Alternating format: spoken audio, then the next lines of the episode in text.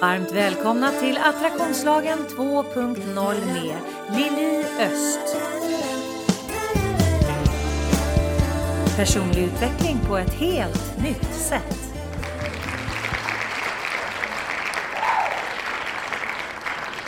Varmt välkommen till podden. Idag så kommer det här vara ett avsnitt som handlar om era frågor, alltså lyssnarfrågor.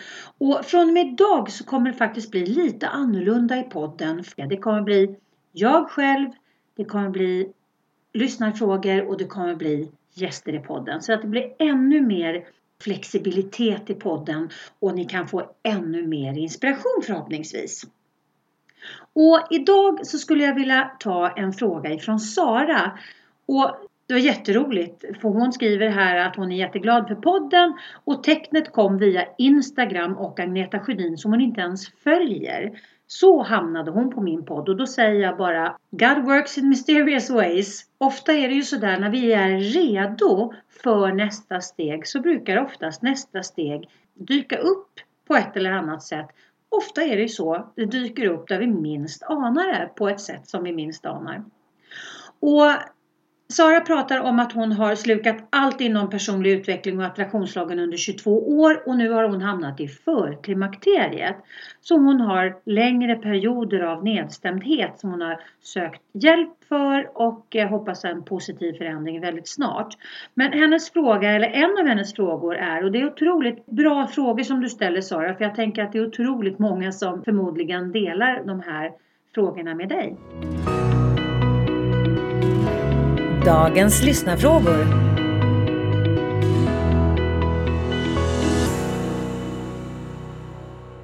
Och Sara säger att när jag har svårt att känna tacksamhet och glädje och kärlek, hur ska jag då kunna ha fortsätta ha positivt flow trots de här dipparna? Hon vänder tankar, är snäll mot sig själv och, och, skriver och vilar mer under de här perioderna men hon når inte sann glädje, skriver hon. Och det där kan vara nog så jävla besvärligt. Alltså jag har ju varit i menopausen i många år så jag är ju inte i för, förstadiet, det har jag passerat för länge sedan. Och jag har som tur var inte haft nedstämdhet men jag har haft massa andra saker som, som hör till, till eh, klimakteriet som vallningar och, och, och sådana där saker. Men just det här med nedstämdheten det delar du med väldigt, väldigt många kvinnor Sara. Och det jag tänker rent spontant det är ju att attraktionslagen funkar lika, attraherar lika. Och vi ska jobba med det minsta motståndets lag. Så jag tänker när man är deppig, när man är låg, när man är när man, när man känner sig liksom lite vinklippt och sådär som man kan göra då, eh, inte bara när man är i menopausen utan rent generellt. Då är det ju en, en bra idé, dels att tänka att inte ställa så höga krav på sig själv. Och du säger ju att du vänder tankarna och du är snäll mot dig själv och vilar mer under de här perioderna. Och det är jättebra. Men det kanske är så att under de här perioderna så kanske du behöver vara okej okay med att inte nå den här sanna glädjen. Utan att istället jobba med minsta motståndets lag, vilket betyder att vara där du är. För att om du ska försöka forcera fram glädje, då talar du bara om för dig själv att du är i motsatsläge och då är det fokus ur en brist. Brist på harmoni, brist på glädje och så vidare. Vilket betyder att det blir själva bristen som blir din attraktionspunkt. Då leder ju det dig ännu mer ner i det här hålet.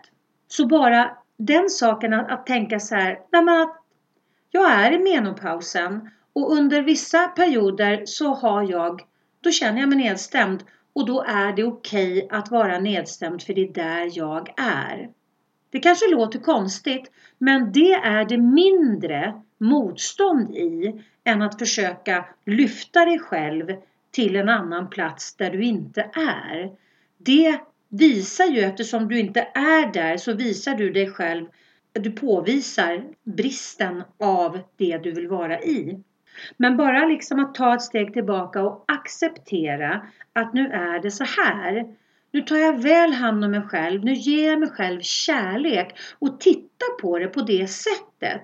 Titta på dig själv Ge dig själv mentala kramar, alltså mental omhuldning. Tala om för dig själv att du är okej okay, även när det är tufft och när det känns som det är låg energi. För att bara det, den acceptansen gör att du höjer dig i frekvens. Sen så tänker jag, jag brukar ju prata om guldpåsen och bajspåsen. Och där tänker jag, mina föräldrar dog ju väldigt tätt in på varandra. Det var bara mindre än tre månader mellan när pappa dog och mamma dog.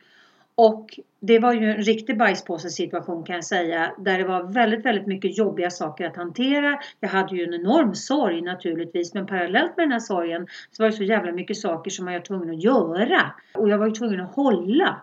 Jag var tvungen att hålla så att jag skulle orka göra de här sakerna. Jag var tvungen att hålla för att jag parallellt med det här jobbade och liksom har familj och så vidare. Så att det här var en tuff period. Men vad jag gjorde för att hjälpa mig själv genom den här perioden. Det var att jag jobbade med min guldpåse medvetet. För att om jag går in och tittar på alla de här sakerna som jag vet ger mig energi, jag vet att de gör mig glad då om jag ser till att jag gör de sakerna, att jag fokuserar på de sakerna, att jag ser till att jag får del av de här sakerna till mig själv. Då är ju de, även om de inte gör mig superlycklig, så är det i alla fall, alltså det är mindre sämre än, än, än det är om du inte gör det så att säga. Så att, jag brukar säga att far, alltså när det är jobbigt, då är det svårt att fara efter den bästa känslan. Men då, då ska man fara efter den minst sämsta känslan.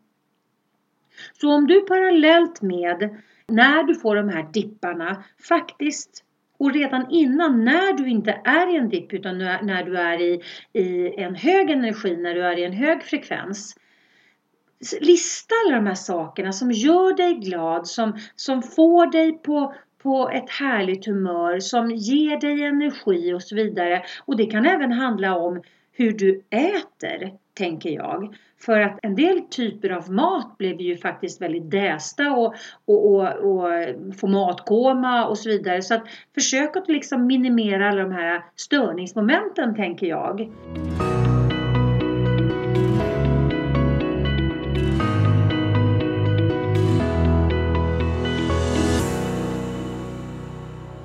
Ljuset är viktigt. Och, är det så att det är på vintern och det är mycket mörker, ja men då kanske du ska gå och se ifall det finns någon, någonstans i din stad där du bor där det finns ljusterapi. I Stockholm till exempel har vi ju Nirvana som ligger på Bondegatan. De har ett ljusrum där man kan sitta, eller solrum där man kan sitta. Och jag är helt övertygad om att det finns i, i de flesta i alla fall lite större städer. Så det är ett tips hur du kan förhålla dig till de här dipparna. För att om du då ska känna, alltså det är lätt att hamna tänker jag, när man vet att, att man interagerar med universum, eh, med attraktionslagen genom våran känsla av. Då är det många som får stress nu måste jag känna mig så jävla glad och, och härlig. Eh, och så känner man sig inte glad och härlig. Och då blir man stressad för att man inte känner sig glad och härlig. Och då, är, du, du hör ju hur fel det blir. För att det i sin tur blir ju en frustration och den frustrationen är lågfrekvent. Och där utgår du också ifrån att du du är stressad för att du inte är så glad som du vet att du behöver vara för att du ska interagera i en hög frekvens med attraktionslagen. Så det här är väldigt enkelt att det här blir en, en, en mot gående rörelse istället för att det blir en tillförsel, att det blir att vi får ett verktyg med att vi vet att vi interagerar med, med attraktionslagen genom vår känsla av. Men det är viktigt att förstå att vi kan inte lägga skuld på oss själva när vi inte är i de här höga frekvenserna. Men vad vi kan göra när vi inte är i de höga frekvenserna, det är att vi försöker tänka tankar som gör känslan lite mindre dålig.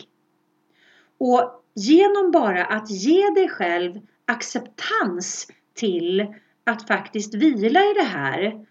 Att det blir minsta motståndets lag och på det sättet så ger du dig själv, du tar ett steg tillbaka rent energimässigt som gör att du levlar upp eh, ifrån den frekvensen du är, där du är lågfrekvent. Och jag tänker så här, man kan känna harmoni även när man inte känner glädje. Att känna harmoni kan ju vara att man känner sig lugn med när man är. Att känna harmoni kan ju vara att man inte ställer krav på sig själv där man är utan låter sig själv vara. Det kan ju också vara harmoni och harmoni i sig själv är högfrekvent. Så det finns ju liksom, man kan gå runt det här, resonera runt det här för att faktiskt ge sig själv en fristad tänker jag. Sen har vi ju våran inre portvakt som, som verkligen säger nej när vi försöker att liksom, ja men vi försöker att pigga på oss, vi försöker göra oss själva gladare än vi är. Och så kanske portvakten säger, men alltså skärp dig för fan, jag är inte alls så där glad. Och då blir ju det en dissonans på insidan, alltså vi hamnar i clinch med våran inre portvakt. Men vad vi kan göra då, precis som när jag har pratat om när vi affirmerar, då kan man använda sig av sin fantasi. För att om du ska försöka bli glad när du inte är glad utan du känner dig nedslagen och då, då finns ju ett motstånd i det. Men om du funderar över hur det brukar kännas när du är glad. För du har ju en relation till att vara glad tänker jag. För att du har säkert varit glad många gånger. Och nästa gång du är glad så känn efter hur glädjen känns. Var sitter glädjen? Var sitter tacksamheten? Var sitter kärleken? Hur känner du när du känner kärlek? Hur känner du när du känner tacksamhet? Och jag tänker tacksamhet om man tittar på det ur ett uppskattningsperspektiv. Inte jag är så glad att jag har det här som, istället för den här skiten. Utan uppskattande. Uppskattande tacksamhet. Hur känns det i kroppen? Hur känns kärlek i kroppen och hur känns glädje i kroppen? För jag tänker så här att om du ska försöka hitta det kognitivt och du ska genom din tanke ska försöka påverka att du känner glädje i kroppen och så vet du inte ens hur du kommer till glädje kanske. Då behöver du öva på att ta reda på hur känns känslan? Och registrera den när du är glad. För när vi är glada då är vi ju bara glada oftast och sen så är vi det tills vi inte är det längre och så har vi liksom inte riktigt tänkt efter eller känt efter eller, eller försökt då att lokalisera liksom var känslorna sitter eller hur vi kom fram till glädjen eller hur vi kom fram till den här kärlekskänslan och så vidare. Men om du blir medveten om hur du gör för att skapa en känsla av tacksamhet eller uppskattning. Hur du gör när du känner kärlek och hur du gör när du känner glädje. Då får du liksom en indikation på ett vinnande koncept som du kan då lyfta fram ur dina gömmor. Du kan skriva ner det här så att du har en, en bok eller en mapp på datorn eller i telefonen. Så att när du hamnar i en dipp nästa gång då kan du läsa på, på din mapp och så där du till exempel har skrivit så här. Jag känner kärlek när jag. Jag känner glädje när jag. Idag träffade jag X ute på stan och han hon gjorde mig så himla glad för att han hon har sån härlig energi och jag tycker så mycket om den här typen av samtal för att så att du liksom du själv blir lite Gå, alltså gör lite research i ditt eget liv vad som skapar vad. För att när du lär känna de här delarna av dig själv då kommer du kunna återta dem på ett mycket enklare sätt för du vet vad du ska leta efter. Behöver du hjälp med att sortera i ditt liv? Kontakta mig på www.liliost.se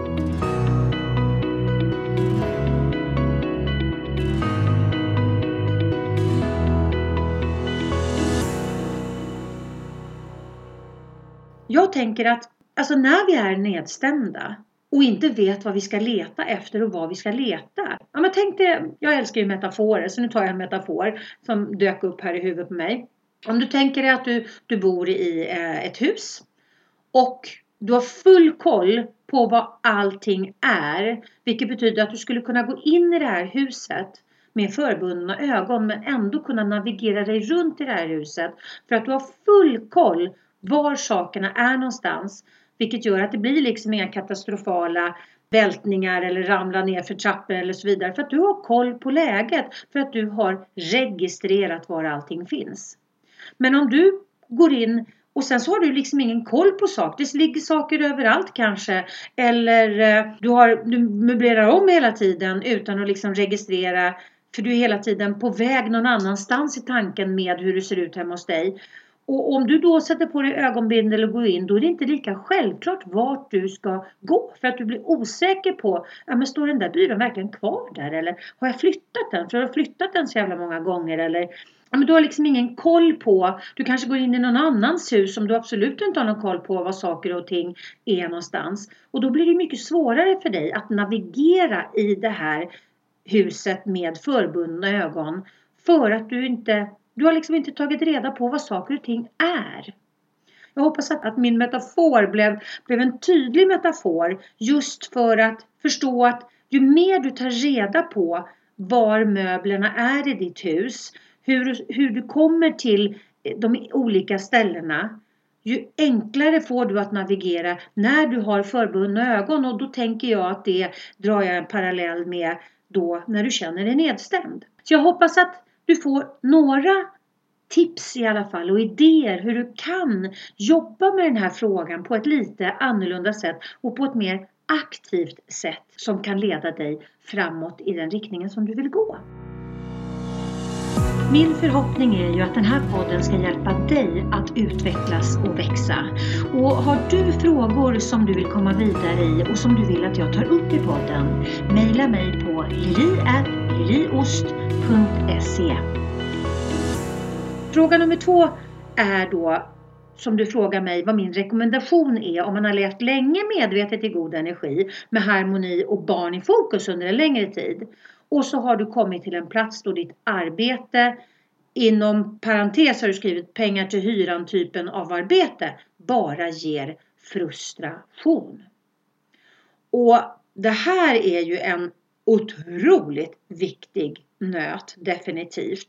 Jag är jätteglad att du liksom har levt länge i harmoni med barn i fokus och så vidare.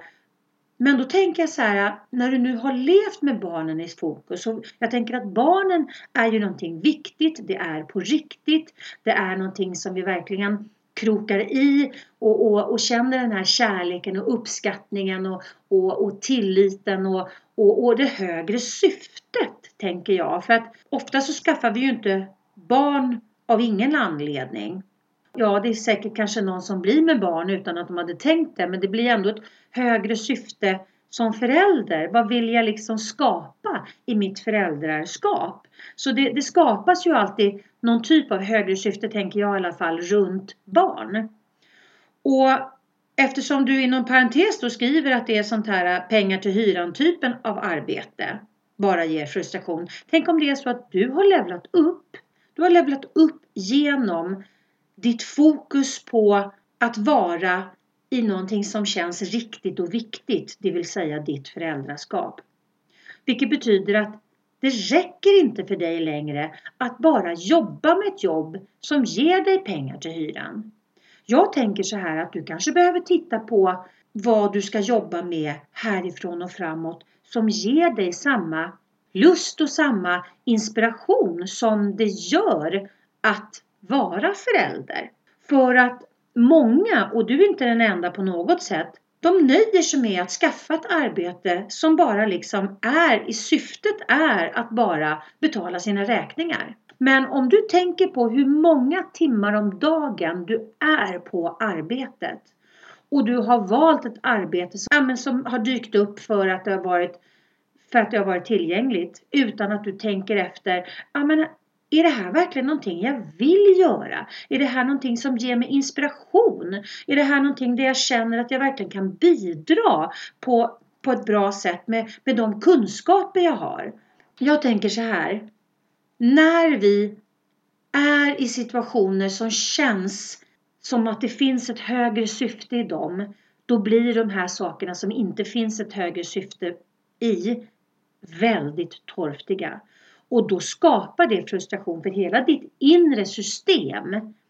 Det känner att du vill inte lägga din tid på saker som inte ger dig någonting som leder dig framåt.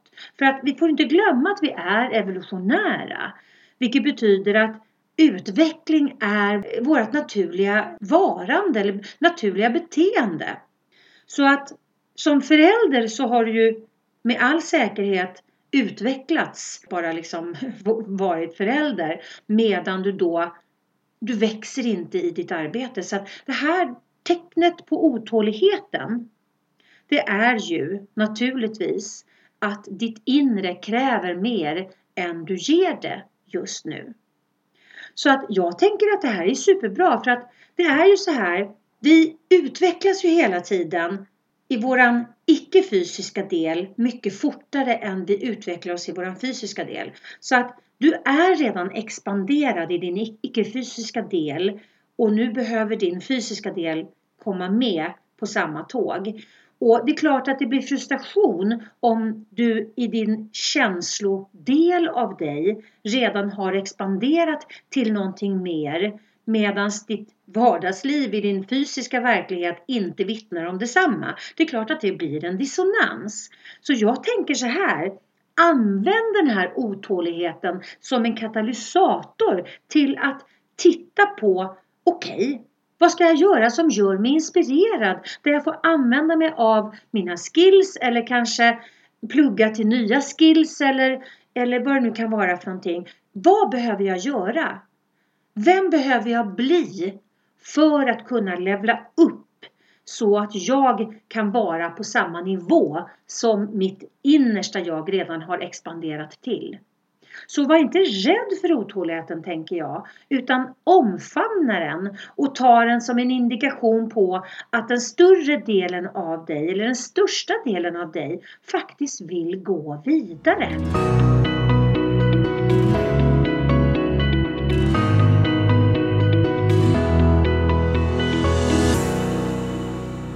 Rädslan av att lämna det som man har som suger eh, istället för att ge sig ut i någonting nytt som är läskigt och, och, och liksom som man inte har någon koll på. Alltså den rädslan lägger ju ofta sig i vägen för oss själva och ett levlande så att säga. Men om du bestämmer dig för att ha tillit till att du kommer att komma dit du vill komma om du ger dig själv möjlighet att göra det så har du liksom vänt energin även i den här frågan. Men all otålighet handlar om att det finns en dissonans inuti oss, alltså en, en, en, ett inre krig i en fråga där vårt inre jag redan har expanderat till någonting mycket mer än det vi fortfarande är i vår fysiska verklighet. Och din sista fråga då som hör ihop med det här. Hur arbetar man bäst med sina rädslor frågar du som blir attraktionslagsblockeringar. Ja, det, det är ju precis som jag har sagt både i den, den första och den andra frågan. Det är att gå in i acceptans. För att om vi inte går in i acceptans då är vi ju i krig. Om vi hela tiden tänker att vi borde vara någon annanstans, då är vi i krig.